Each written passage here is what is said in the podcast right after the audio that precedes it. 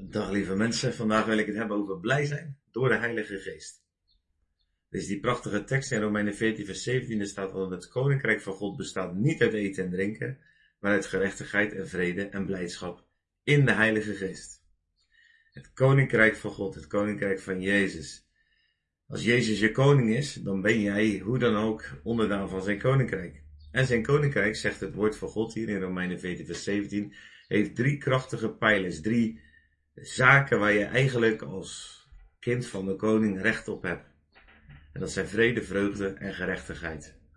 Nou, gerechtigheid is, ik vertaal dat altijd met alles waar Gods wil wordt gedaan.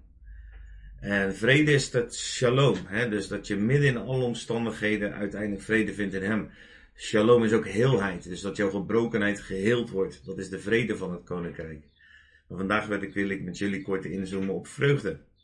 Ik had vandaag toevallig een interview ook, uh, zo kwam ik er ook op met deze tekst, uh, met uh, revive.nl uh, over de Day of Joy die we gaan houden op 21 mei. Ook van harte aanbevolen overigens, omdat ik geloof dat wordt een hele bevrijdende, hele krachtige dag vol van de Godsgeest. En die Day of Joy die is ook geboren uit um, het feit dat ik het eigenlijk apart vind dat wij christenen niet opvallen door onze extreme vreugde. Wij zouden namelijk een extreme vreugde met ons mee moeten dragen in deze wereld. Uh, Psalm 16 zegt namelijk, er is overvloed van vreugde voor Gods aangezicht. Oftewel, er is een, een overvloed aan blijdschap en vrolijkheid bij God. En waarom zien we dat dan zo weinig in, in ons christenen hier op aarde? En, en nogmaals, misschien draag jij het wel, maar in het algemeen. Waarom zien we zo weinig van die hemelse vreugde? En waarom is de wereld wel vol met lege, holle lach?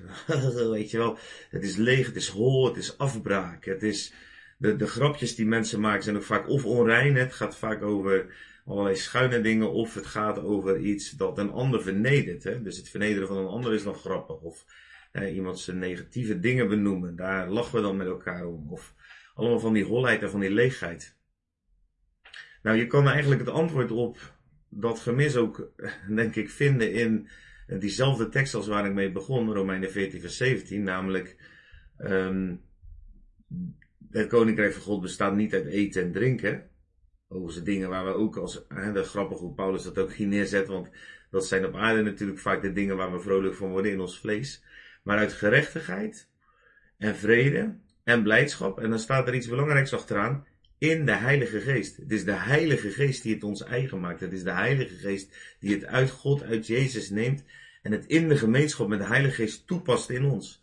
Dus hoe meer en hoe dieper wij intimiteit hebben met de Heilige Geest, hoe meer de afdruk van zijn wezen ook in ons zal reflecteren. je kan niet met iemand zijn die blij is en zelfs zagrijnig blijven. Dat is bijna onmogelijk. Um, ik zie dat ook in mijn eigen leven. Ik ben een vrolijk mens en mijn kinderen zeggen wel eens, papi, ik word, altijd vrolijk van je. Dat is een mooi compliment.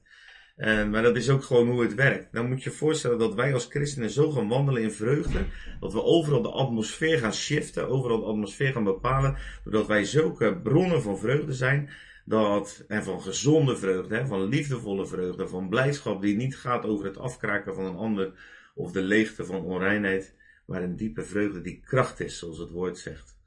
Nou, ik verlang daarna en wij mogen dat dus ontvangen, want het wordt dus iets wat wij krijgen in de Heilige Geest.